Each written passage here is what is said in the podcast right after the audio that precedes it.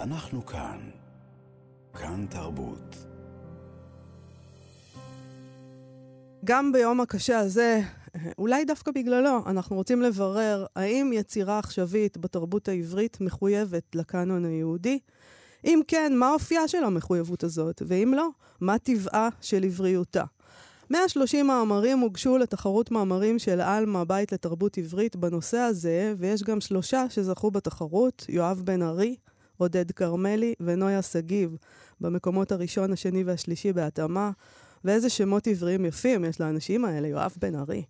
Uh, כל הטוב הזה רואה אור עכשיו בעריכת שירה חפר ודוקטור ג'רמי פוגל, שכתב כך בהקדמה: לדאבוננו, במאבק הרעיונות שנמשך כאן כבר כמה עשרות שנים, למעשה רק צד אחד נלחם, בעוד הצד האחר נותר פסיבי. המחוזות הקנאיים פועלים בנחישות מתוך מאמץ מאורגן, ממומן ויעיל. כנגדם ניצבת חברה ליברלית נבוכה, שרק מתחילה להיזכר במשמעותם הקריטית של רעיונות ובהשפעתם האדירה. על כן, דווקא בשעה הקשה הנוכחית חשוב להתעורר, להיזכר בעידן הנאורות ובכוחה של תודעה. יש לכך משמעות פוליטית, תרבותית, רוחנית וקיומית. משמעות כלל אנושית, קריטית, לאפשרות של עתיד שפוי לכולנו. דוקטור ג'רמי פוגל הוא חבר סגל בחוג לפילוסופיה יהודית באוניברסיטת תל אביב, הוא גם המנהל האקדמי של עלמה, ששם יוצאים אה, שלושת המאמרים האלה שזכו. שלום ג'רמי פוגל. שלום למאיה ושלום ליובל ושלום למאזינות ולמאזינים, ועוד יום מזעזע וקשה שאנחנו חווים נכון, ביחד. נכון. אני, אני רוצה לדבר על הטקסט הזה שקראתי קצת מההקדמה שלך כן. בעצם לקובץ כן. המאמרים, אה, וחשבתי לעצמי שזה יפה שקראת לזה חברה ליברלית נבוכה. יפה ומדויק, כי זה באמת חברה, אנחנו חברה נבוכה, וזה קצת מביך, המבוכה הזאת, לא? אני שכתבתי אותו אחרי האירועים, אבל רק קצת. אה, כי אנחנו, אה, מה שמזכיר לנו, הזעזוע והסיוט הזה של השביעי באוקטובר, זה הסכנה של פונדמנטליזם, אה, והסכנה של פונדמנטליזם ניהיליסטי כזה, שבשם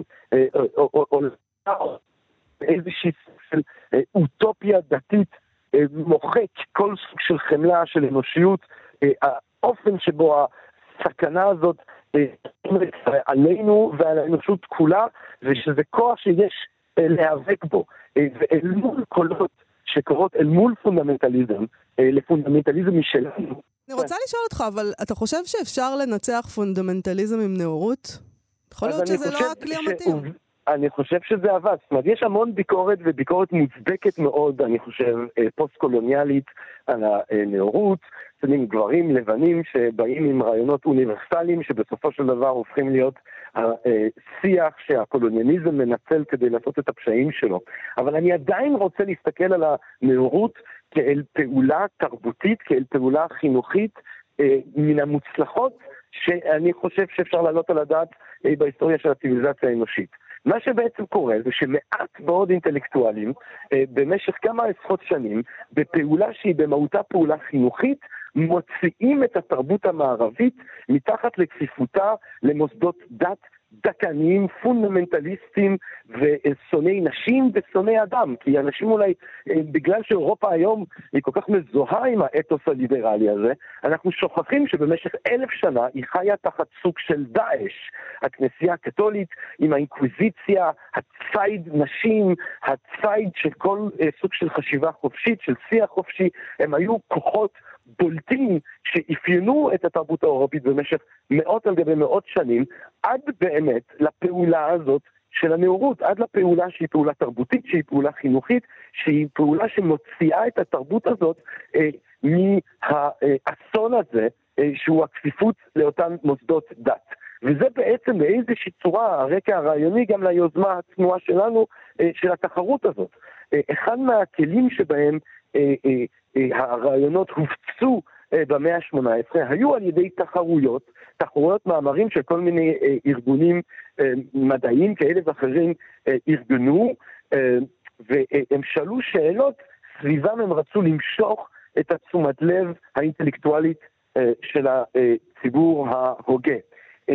והרבה מאוד מהמאמרים שהופכים להיות מאמרים קנוניים באתוס הנאור הם מאמרים שחוברו קודם כל כמענה אה, לאותם השאלות. אני חושב למשל על החיבורים של רוסו, אה, כן, על חוסר השוויון או החיבור המפורסם שלו על המדעים והאומנויות, הם היו בעצם מאמרים שהוא הגיש אותם אה, לתחרות כן. של אה, דיז'ון, החיבורים המפורסמים של מנדלסון ושל קאנט, חיבורים אחרים על, מעמד, אה, על המעמדות של היהודים, שגם זה היה תחרות שה... שבאמת הציעו אותה. אז מה, אז מה ההצעות שמוצעות לנו בתוך הספרון הזה? אז בעצם, אני, חשוב לי לומר, בגלל שאני חבר אישית של המקום השני והשלישי, שלי לא היה שום קשר לוועד השיפוט, כן, אני ניסחתי יחד עם החברים בעלמא את השאלה, לי יש פטיש כזה לשאלות ארוכות, שזה גם אולי קצת בדיחה פנימית, כי גם במאה ה-18 השאלות היו לפעמים נורא ארוכות, כן, השאלה, התחרות המפורסמת של ה... שמנדלסון זכה בה וניצח בה את קאנט ב-1763, גם היא הייתה ככה שאלה אינסופית כזאת, ובעצם חשבנו שזה יהיה מעניין בעצם לבחון את היחס לעבר. אני באופן אישי, כן, העמדה שלי היא שאנחנו בחברה שיש לה נטייה יתר המידה לקדש את העבר, לתפוס את העבר כמשהו שאנחנו מחויבים לו, היה עדיף לאזן את זה מחויבות לעתיד, אבל זו סוגיה שחשבתי שיהיה נכון לבחון אותה. ובעצם שאלנו בעצם את השאלה ש, שמאיה הציעה אותה ככה בתחילת הדברים שלנו, וקיבלנו המון מאמרים, הם עברו שיפוט אנונימי, זאת אומרת היה לנו חבר שופטים, שלושה שופטים שקראו את כל המאמרים באופן אנונימי, ואז הם ישבו והגיעו בעצם לרשימה שהתגלתה באמת יואב בן ארי, עודד כרמלי ונויה שגיב. ואני חושב שאנחנו נראה בעצם בשלושת התשובות האלה, קודם כל הגות מורכבת, מעניינת, כמובן שגם בחנו את הצורה, לא רק את התוכן, אבל גם מבחינה תכנית וגם מבחינה צורנית, ניסיון לבחון את השאלה הזאת, אני חושב, מנקודות דוד אחרות. יואב בן ארי, גם מבחינת הכתיבה שלו, גם מבחינת ההגות שלו, הוא שם דגש, אני חושב, מאוד יפה על המשמעות של השפה, על המשמעות של המילה העברית. עודד כרמלי חושב שגם לתרבות הקנונית הייתה קאנון, ובעצם עצם החשיבה שאנחנו מחויבים לאיזשהו קאנון מקורי לא תיתכן לה מבחינה אמפירית, בגלל שגם לקדמונים היו קדמונים, משהו שמעודד אותנו לחשוב על הזרימתיות של התרבות והזמן. נועה שגיב מביעה ככה את החוויה האישית שלה כיוצרת וכעוסקת בתרבות. אני חושב שעצם החשיבה זה הדבר החשוב. אני חושב שמה שתחרות כזאת יכולה לקוות לעשות, זה קודם כל באמת אה, להעניק פחת כספי לאנשים שעוסקים בתחום שלרוב אתה אה, לא מקבל עליו שום אה, תגמול כספי, ואומנם אפילו זה נראה כמשהו קצת גנוי, אה, להעניק כסף למען רעיונות, אבל אני רוצה להגיד לא, הנה, כן, אנחנו מוסד שכשמתאפשר לו, אנחנו שמחים מאוד להעניק כסף לאנשים על רעיונותיהם, כי זה דרך מאוד ישירה ובוטה לצערנו להביע הערכה לעצם העשייה, אבל גם אה, ההשפעה בעיניי היא לא רק הספר ולא רק המאמרים המנצחים, אלא גם אה, עצם זה שכל מיני אנשים חשבו על השאלה הזאת וכתבו על השאלה הזאת, ואני חושב שלרוב האנשים, אה, כשהם כותבים טקסט, משקיעים בטקסט, אז הוא לא הולך לאיבוד, גם אם הוא לא מתפרסם בספחון שיש את המאמרים הזוכים, זה יבוא לידי ביטוי אה, בסטטוסים ברשתות חברתיות, או באיזשהו סוג של אכסניה ספרותית אחרת בהמשך, או באיזושהי דרך בעשייה של אותה כותבת וכותב. ואנחנו יודע... מקווים להעלות שאלות שאנחנו רוצים שאנשים יחשבו עליהן. אז אתה יודע, אתה אומר אנחנו מעלים שאלות, אבל אחד הדברים שפונדמנטליזם מציע זה סימני קריאה.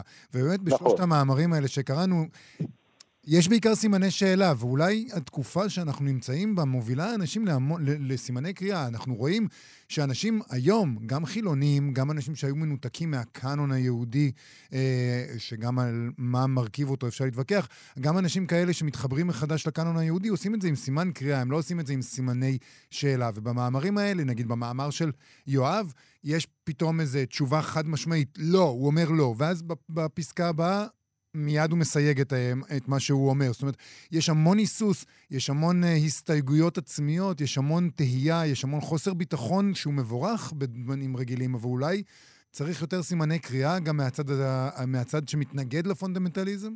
אני רוצה להגיד לך על זה שני דברים. א', הפונדמנטליזם במובן הזה מציע באמת אה, סוג של נחמה מסוימת. הסימן קריאה הזה זה משהו שאפשר לכאורה לאחוז בו. אבל הנחמה הזאת והיתרונות הרגשיים האלה של הפונדמנטליזם שמתיימר להעניק תשובות לכל השאלות, הוא בא בעיניי במחיר נפשי מאוד גדול, בגלל שבסופו של דבר מדובר על אשליה, ויש פה איזו שבריריות של התשובה שאני נאלץ לאחוז בה, שאפשר לנסות להדחיק אותה, אפשר לנסות להשכיח אותה, אבל אני לא חושב שהמאמץ הזה הוא בר קיימא בסופו של דבר. אני חושב שהמתח הפנימי של מי שצריך לשקר לו, שיש לו את כל התשובות לכל הדבר, אה, בסופו של דבר הוא לא משהו אה, שהוא בריא אה, לאינדיבידואל, בטח שלא לחברה. ואז אני רוצה להגיד דבר נוסף. אתה יודע, יובל, יש עכשיו מילה שהפכה להיות סוג של האויב הגדול שלנו. אני חושב שזה דבר דווקא די מעניין והזדמנות לחשיבה פילוסופית. קונספציה. נכון? אה, כולם מדברים נגד הקונספציה. קונספציה זה דבר רע, אתה, אה, אתה עדיין לקוד אה, בתוך קונספציה, אתה עדיין רואה את הדברים בתוך קונספציה. אז אני אומר לעצמי, מהו ההפך בעצם של קונספציה? מה זה, כאילו, אם אנחנו נגד קונספציה עכשיו, אם הדבר עכשיו מבחינה מחשבתית רעיונית להיות נגד קונספציה, מה ההפך מקונספציה? ההפך מקונספציה זה מחשבה מורכבת. זאת אומרת, אם אנחנו חושבים על קונספציה כאל בעצם הפשטה של המציאות על מורכבותה לתוך איזושהי תפיסת עולם מאוד מסוימת, אז אם אנחנו לא רוצים ליפול לקונספציה, אנחנו צריכים אה, לקבל את העובדה הקשה, המרתקת, וכנראה גם אה, בעיניי האמיתית, שהמציאות היא מאוד מאוד מורכבת. שהמציאות היא בעצם אין סופיות של מורכבות, ושאם אנחנו רוצים לגשת אליה מבלי להקל עלינו ובאופן שאנחנו ננסה באמת להיות במגע פורה מולה, אנחנו צריכים להיות פתוחים לאפשרות שיש בה אה, אין סוף נקודות מבט, ושחשוב, אם אנחנו באמת רוצים לנסות להבין אה, את העולם הזה שבו אנחנו חיים ואת המציאות שלנו, אה, לא להסתכל רק דרך נקודת מבט אחרת, ולהיות פתוחים ליותר מורכבות. המורכבות הזאת היא באמת מורכבת, היא אולי פחות מושכת, היא אולי פחות קלה אה, אה, אה, לציבור לכאורה מהתשובה הפונדמנטליסטית, אבל היא יותר משכנעת, היא יותר משקפת את העולם המורכב הזה שבו אנחנו חיים, ואני חושב שהדוגמה של הנאורות מראה שברגע שאתה מחנך לשיח שכזה, אתה מגיע להצלחות תרבותיות כבירות. כי שוב, כל הטוב הזה שאנחנו אה, נאבקים עליו, כן, המשך של חיים חופשיים, ליברליים, עם כבוד לזכויות האדם, עם אה, הליכה או שיפור של מעמד הנשים והליכה למצב של שוויון מגדרי אה, וחופש מבחינה להט"בית וכולי וכולי וכולי. כל הדברים האלה בסופו של דבר הם עדיין נגזרות של השיח הנאור הזה, ובסופו של דבר הם דברים שאם אנחנו רוצים לקדם ולשמר, אנחנו גם צריכים לראות את עצמנו, כל אחד שהוא סוכן תרבות, כמחויב אה, לקדם אותם איך שרק אפשר. אז תגיד, הדברים האלה לא יכולים אה, לבוא אה, מתוך אה, נקודת מבט שיש הרבה אנשים שאומרים אומרים את זה גם היום, השלכה מוחלטת של הקנון היהודי אחורה, להיפטר ממנו. זה קצת בא ברמיזה גם אצל עודד כרמלי, שהוא אומר, לכל אחד יש את הקאנון שלו, ואז אנחנו מתקדמים הלאה מהקאנון הזה, ואנחנו נהיים הקאנון של אלה שיבואו אחרינו. אז יש אנשים שאומרים, יאללה, נזרוק את הקאנון כן, מה אתה חושב, ג'רמי? צריך להשליך את זה? אני חושב ש... אני, אני אגיד כזה דבר. יש את ה... קודם כל, יש פה, באמת בספר, בספרון, יש אה, שלוש עמדות שהן בניואנס אה, שונה סביב התשובה. ובאופן כללי אנחנו באמת לא, לא, השופטים לא שפטו ואנחנו לא קבענו שום קו רעיוני. זאת אומרת, תענה כן, תענה לא.